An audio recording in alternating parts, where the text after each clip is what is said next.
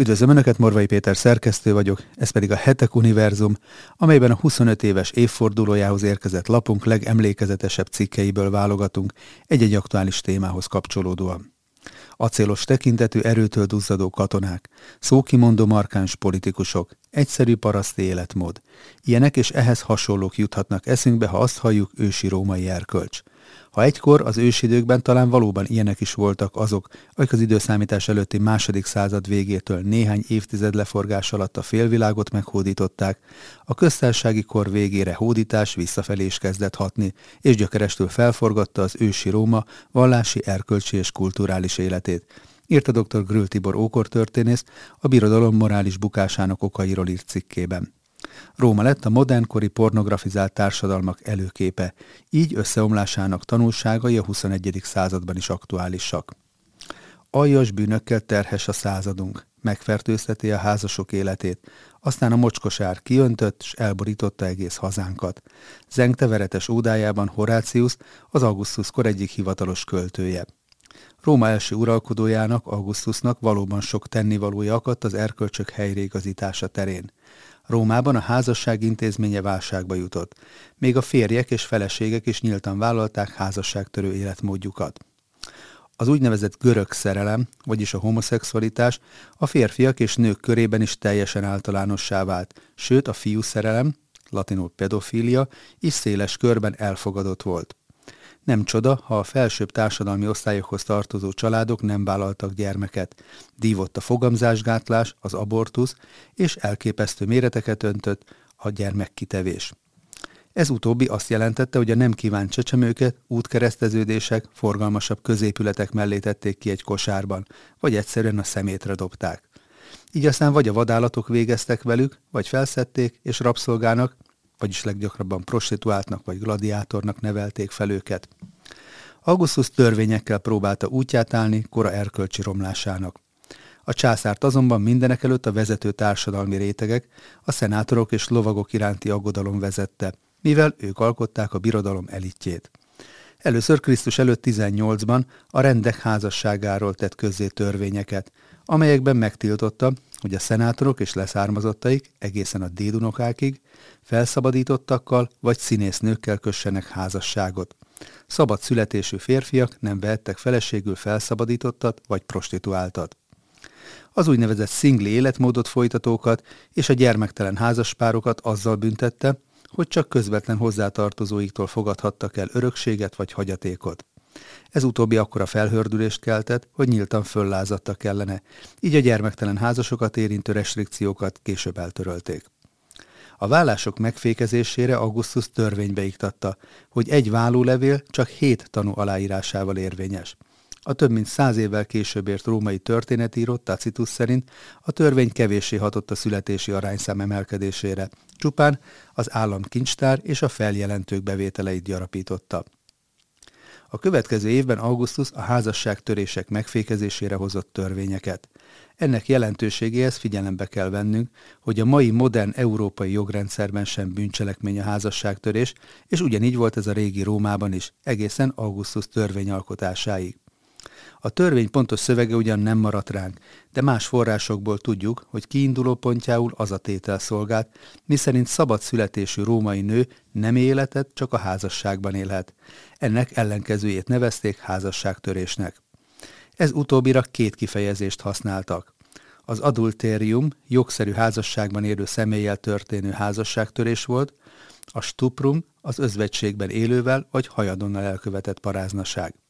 Augustus törvénye mindkettőt közbünténynek tekintette, és a házasságtörésben résztvevő mindkét felet vagyonvesztéssel, számüzetéssel, súlyosabb esetben halállal büntette, sőt az ennek kivitelezésében segítő személyeket is arányosan sújtotta.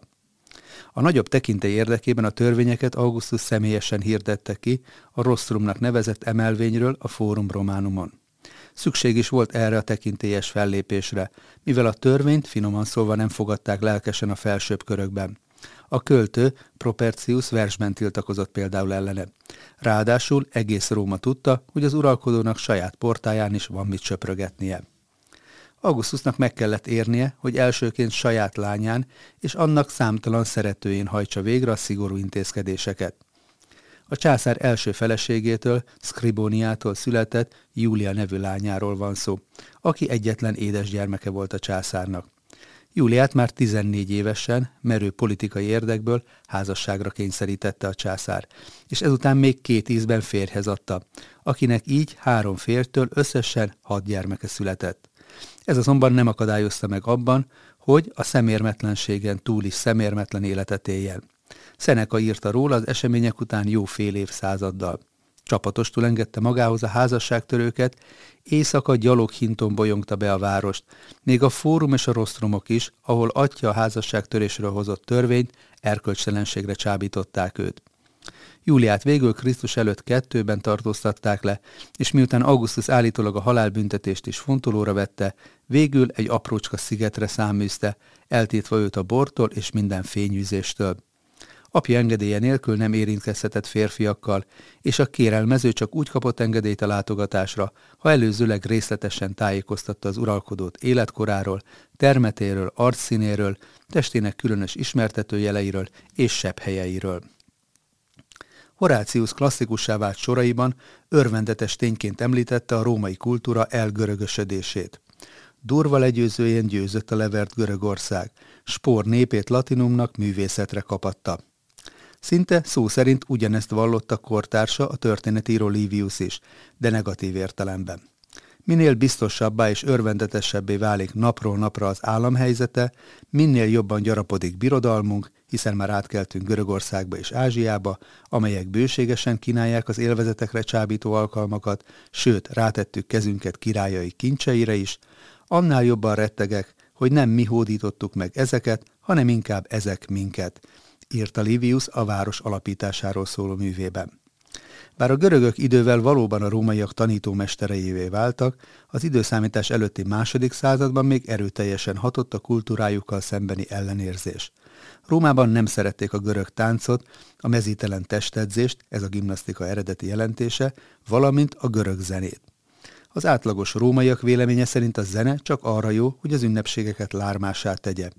Az antihellenisták vezetője az idősebb Kátó volt, aki a görög nyelv, szokások, művészetek és tudományok átvételét a hagyományos római értékrend aláaknázásának tartotta. Néhány esetben hivatalos intézkedéseket is hoztak a görög szokások elterjedésének megakadályozására. Krisztus előtt 168-ban például a szenátus egész Itáliában korlátozta a bakkanáliáknak nevezett szent ivászatokat, amelyeket havonta ötször rendeztek, előbb kizárólag nők, majd vegyesen férfiak és nők részvételével. A bor és mámor istenségének Dionysusnak tiszteletére rendezett tivornyák rendre orgiákban végződtek, ahol gyilkosságok is történtek, ezért a szenátus halálbüntetés terhe alatt megtiltotta az ebben való részvételt a Rómában tartózkodó görög értelmiségiek elleni szenátusi határozatok születtek. Krisztus előtt 173-ban két epikureistát távolítottak el a városból, majd Krisztus előtt 161-ben újabb filozófusokat és szónokokat utasítottak ki. Krisztus előtt 154-ben az első Rómában épülő kőszínházat is lerombolták. A sokféle görög hatás eredményeképpen lassanként a rómaiak szexuális erkölcsei is átalakultak. A homoszexualitást a római források egyöntetően görög szokásnak, vagyis Grécia mosznak nevezik. A köztársaságkor végén élt Cornelius Nepos történetíró szerint a görögöknél az a fiú nyer dicséretet, aki a legtöbb férfi szeretőt tudja magáénak. Kortársa Cicero az állam egyik töredékében azt írja, hogy Hellasban szégyennek számított, ha egy fiúnak nem volt idősebb úgymond barátja. Másút ugyanő arról beszél, hogy a görög gimnaszionokban, ahol a serdülő fiúkat oktatták múzsai művészetekre, teljesen bevett szokásnak számított egymás elcsábítása. A felsőbb társadalmi réteghez tartozó római szerzők tollán mindez távolságtartóan hat. A görögök csinálják csak, ha akarják, de mi rómaiak vagyunk. Pedig a homoszexualitás férfi és női formája is éppen ebben az időben kezdett elterjedni a felsőbb római körökben a császárkorra pedig már minden erkölcsi gát elhárult annak útjából, hogy az azonos neműek közötti kapcsolat bevett szokássá váljék. A második század elején élt szenátori történetíró Tacitus így fogalmazta meg ezt a jelenséget. A lassanként kihaló hazai szokásokat végképp kiforgatja a behozott szabadosság, hogy ami csak rontó és rontható, látni lehessen a városban, és az ifjúság elzűjön a külföldi kettelésektől, a torna csarnokok és a tunyálkodás és az ocsmány szerelmeskedés felkarolásától. A császár és a szenátus kezdeményezésére, akik nem csak szabad utat engedtek a bűnöknek, hanem még erőszakot is alkalmaztak, hogy Róma előkelőit, szónoki és költői művészet örve alatt a színpad bemocskolja, írta Tacitus az évkönyvekben. A társadalom pornografizálásában tehát fontos szerepet játszottak bizonyos intézmények. Mindenek előtt a színházak, stadionok és a tornacsarnokok. De nem hagyhatjuk említés nélkül a mezítelen emberi test képi ábrázolását sem, amely szintén görög szokás volt. A bűn kezdetét jelentette a test lemeztelenítése a polgárok között, írta a római költészet atyának is tekintett Ennius – a közel száz évvel utána ért nagy római polihisztor Váró tartotta fenn azt a hagyományt, hogy a rómaiak az etrusz királyok koráig nem ábrázolták isteneiket emberi alakban, sőt, sehogyan sem. A kép nélküli, anikonikus kultusz annak a jele, hogy ebben a korai időben a rómaiak még nem azonosították isteneiket az antropomorf görög képzetekkel. Szent Ágoston, akinek közléséből varró szövegét ismerjük, a zsidó vallásra hivatkozva értékelte nagyra ezt az ősi római szokást. A régi rómaiak több mint 100 és 70 évig képmás nélkül imádták az isteneket, ami, ha napjainkig megmaradt volna, az isteneket jámborabban tisztelnék. Eme véleményéhez tanul hívja egyebek közt a zsidó népet is, és nem habozik azt a helyet úgy lezárni, hogy kijelenti. Akik először állítottak az emberek elé az istenek képmásait, azok saját államaikban egyrészt csökkentették az Isten félelmet, másrészt ösztönözték a tévejgést, írta Ágoston az Isten államáról szóló művében. A szobrokban is a Krisztus előtt második századtól jött divatba az istenek és a hősök, köztük komoly hadvezérek és politikusok mezítelen ábrázolása, amit a művészet történet heroikus nudititásnak nevez. Emögött a koncepció mögött az húzódik meg, hogy a tökéletes formájú fiútest, illetve férfitest az ábrázolt személy emberfeletti jellegét hangsúlyozza. Elsőként a görög világba érkező római politikusokat tisztelték meg ilyen heroikus pózban tetszelgő szobrokkal, amelyekhez magasztaló feliratokat is szövegeztek. Julius Cézár szobra alá például egyszerűen csak a félisten, Hemiteos szót bigyeztették oda, ami ellen sem ő, sem mások nem tiltakoztak. Augustus alatt, mintha kisé visszaszorult volna az istenek és emberek mezítelen ábrázolásának szokása, és ez nyilván összefügg a császár erkölcs megújítás célzó programjával. A későbbi császárok azonban már nem voltak olyan finnyásak, és rendszeresen heroikus nuditásban pózoltak szobraikon. A mezítelenség és a szexuális aktus ábrázolása teljesen bevett szokás volt az antik Rómában. A leghétköznapibb célokra szolgáló üvegpoharakon, agyagedényeken, mécseseken, lámpatartókon is igen gyakran találunk pornográf jeleneteket. A Vezúv alá temetett városok, Pompei, Herkuleum és Stebie házaiban olyan elképesztően szabados ábrázolásokat találtak, freskókon, használati eszközökön és feliratokon, hogy amikor 1819-ben első Ferenc nápolyi király feleségével együtt megtekintette az ottani Nemzeti Múzeumban rendezett Pompei kiállítást, annyira megbotránkozott az ott látottakon, hogy az ilyen témájú tárgyakat egy titkos kabinetbe záratta el, ahová csak életkorú és tiszteletre méltó erkölcsű személyek nyerhettek bebocsáttatást. A titkos termet ezután hol bezárták, hol megnyitották.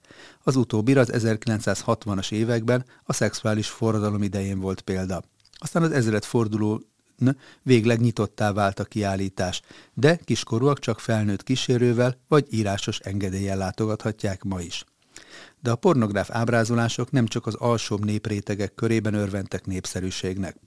A túlságosan is szabadszájú versei miatt Augustus által számított népszerű római költő, Ovidius például azzal mentegette magát a császár előtt, hogy saját szemével látta Augustus házában a ledérképeket, amelyek szobájának falát díszítették.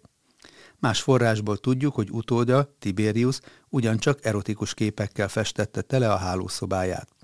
A szobrok, falfestmények, feliratok mellett a színházakban előadott darabok is nyíltan jelenítettek meg mezítelenséget és szexuális devianciákat. A színházak is a már említett Dionysos kultikus helyeiként funkcionáltak eredetileg. Különösen népszerű volt a pantomim színészet, amelynek jelentése szó szerint mindent megmutató. Ennek olyan táncos zenés darabok voltak a részei, amelyek kevés és többnyire rögtönzött szöveggel kísértek, és előadói valóban mindent megmutattak, vagyis a darabok nem szűkölködtek pornográf jelenetekben és az altesti humor fordulataiban. De Rómában nem csak a populáris szórakozásokban, hanem még a hivatalos vallási ünnepeken is megjelentek pornografikus elemek. A Ruperkália ünnepén, február 13 és 15-e között Róma vezető tisztségviselőinek serdülőkorú fiai anyaszült mesztelenül futkároztak fel alá a városban, kezükben ágakkal, amivel a nőket ütötték, hogy azok úgymond termékenyek legyenek. A népszerű Florália ünnepén, április végén, május elején a színházakban vetkőző műsorokat rendeztek, amihez prostituáltakat vettek igénybe. Augustus ugyan megpróbálta megreformálni ezt az ünnepet, és visszaszorítani a szemérem sértő jellegét, de ez a kísérlete megbukott. A rómaiak által igen kedvelt nyilvános fürdők is az erkölcsi romlás melegágyai voltak. Bár némelyik fürdőben a férfiak és nők elkülönülten fürödtek, másút eltérő időpontokban engedték be a két nem képviselőit, az azonos neműek rendszerint ruhátlanul fürdőztek egymás társaságában. Krisztus után 130. október 24-én nagy fájdalom érte Hadrianus császárt, aki éppen a Níluson hajókázott luxus bárkáján, hogy megtekintse Egyiptom nevezetességeit. A gyermekkorától fogva görögöcskének csúfolt uralkodó nem csak a görög filozófiát, építészetet és zenét kedvelte, hanem pedofil hajlamait is nyíltan vállalta, annak ellenére, hogy házasságban élt. A fiatal korúakkal való együttélés ekkoriban már nem csak a görög, hanem a római arisztokrácia köreiben is elfogadott, sőt divatos dolognak számított. Olyannyira, hogy a magát örömfiúk hadával körülvevő Trajanus idejében már attól tartottak, hogy ki fog halni a római nemesség. A Hadrianus alakját övező számtalan ellentmondás közül a legnagyobb, hogy az az uralkodó, aki vadászatai nem is egy oroszlánt ejtett el saját kezüleg, akinek mindene volt a hadsereg, amelyben kemény fegyelmet tartott, aki rendeletben szabályozta, hogy a nyilvános fürdőkben a férfiak és nők külön fürödjenek, nos, ez az ember utazásai során valóságos háremmel vette körül magát. Az élvezetek hajhászásában nem ismert határt, írta róla egyik ókori életrajzírója. Hadrianus legismertebb afférje egy szabad születésű bitúniai ifjúval, az alig 13 éves Antinoosszal 123-ban kezdődött.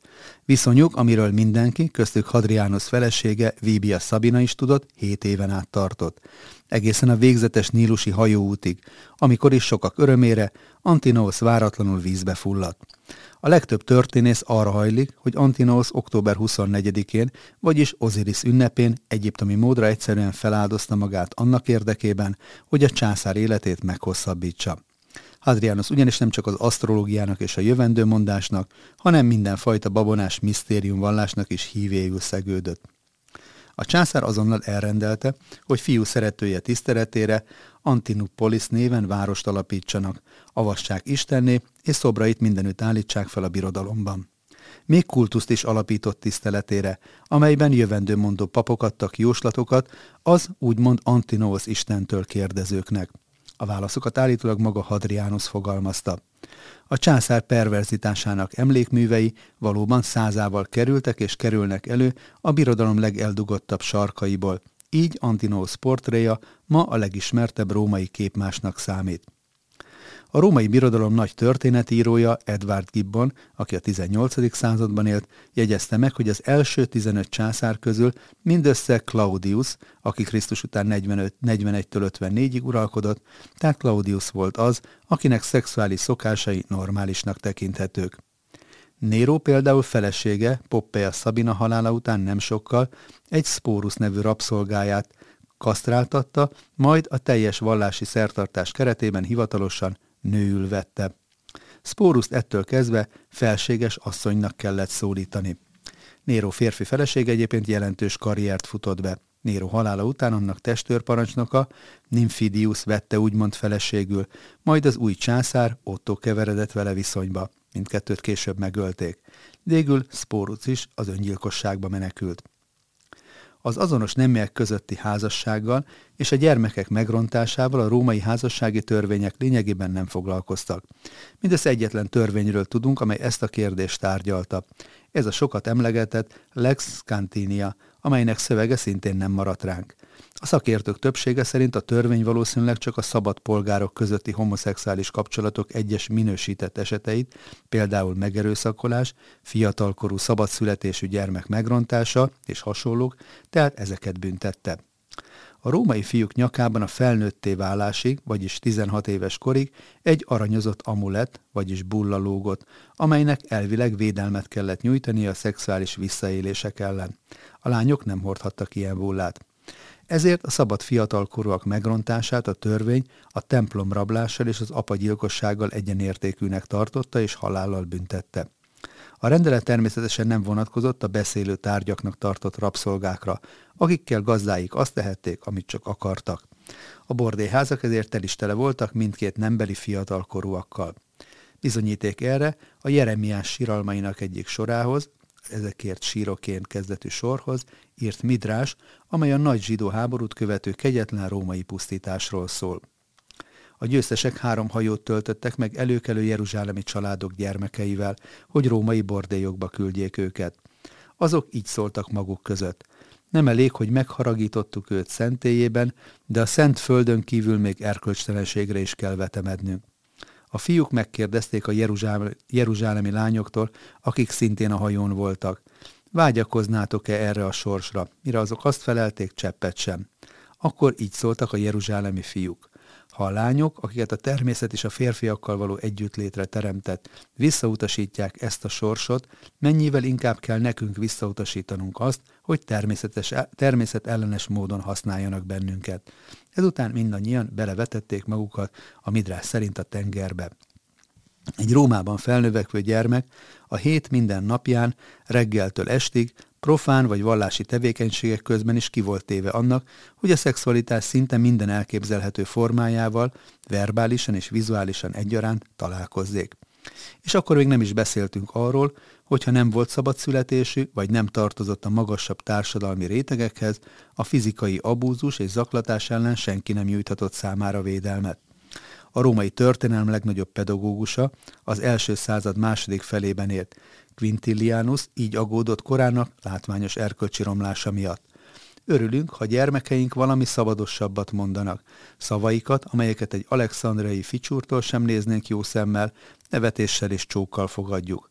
Nem csoda, hiszen mi tanítottuk őket, tőlünk hallották, a mi barátnőinket és a mi szeretőinket látják, minden lakom a szemérmetlen daloktól zúg, olyan dolgokat látnak, amiket kimondani is szégyen.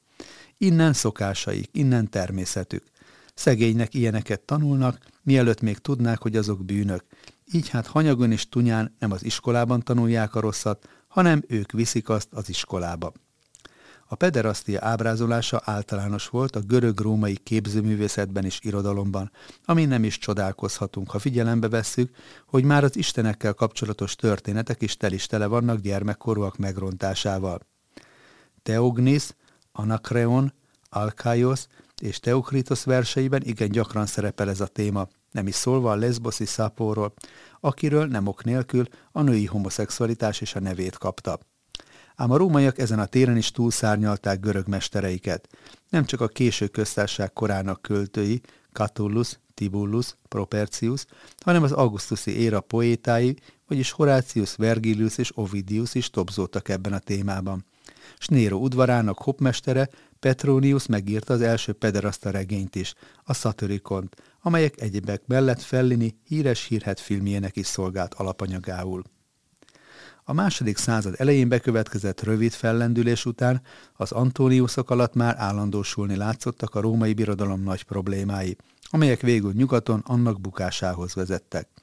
A szenátus csupán engedelmes báb volt az egyre zsarnokibb és tehetségtelenebb császárok kezében, akik fényűző életmódjukkal felemésztették a kincstár bevételeit. Állandósult a gazdasági válság. A Néró korábban kezdődő pénzrontás olyan mértékűvé vált, hogy az ezüst pénzeknek a negyedik századra már csupán 5% nemesfém tartalmuk volt. A hiperinfláció miatt pedig összeomlott a gazdaság. A hadsereg élére tehetetlen és tehetségtelen vezetők kerültek, akik nem tudták a birodalom határain gyülekező ellenséges népeket sikeresen távol tartani a belső területektől. Ráadásul ugyancsak az Antóniuszok alatt egy iszonyatos járvány is pusztított a birodalomban, amelynek következtében egyes becslések szerint akár a lakosság harmada is elpusztulhatott. A római társadalom pornografizálódása és a természetes erkölcsi normák tömeges semmibevétele természetesen nem maradhatott következmények nélkül. Az ősi köztársaságkori nemzetségek kihaltak. Az új nemesség és a feltörekvő pénzarisztokrácia mindenben a császárok hűséges kiszolgálójának bizonyult. A pusztulás és romlás századaiban egyedül a kereszténység jelentett ellenerőt a morális zülléssel szemben. Ám a keresztényeket talán éppen ezért a hivatalos politika nem kívánatos elemeknek minősítette, és hol lazábban, hol keményebben, de mindvégig üldözte. Más kérdés, hogy mi történt a kereszténységgel, az egyéb vallásokkal való egyenjogúsítás, a 313-ban született Milánói rendelet, majd az állam vallássá válás 380-ban a tesszonikai rendelet után.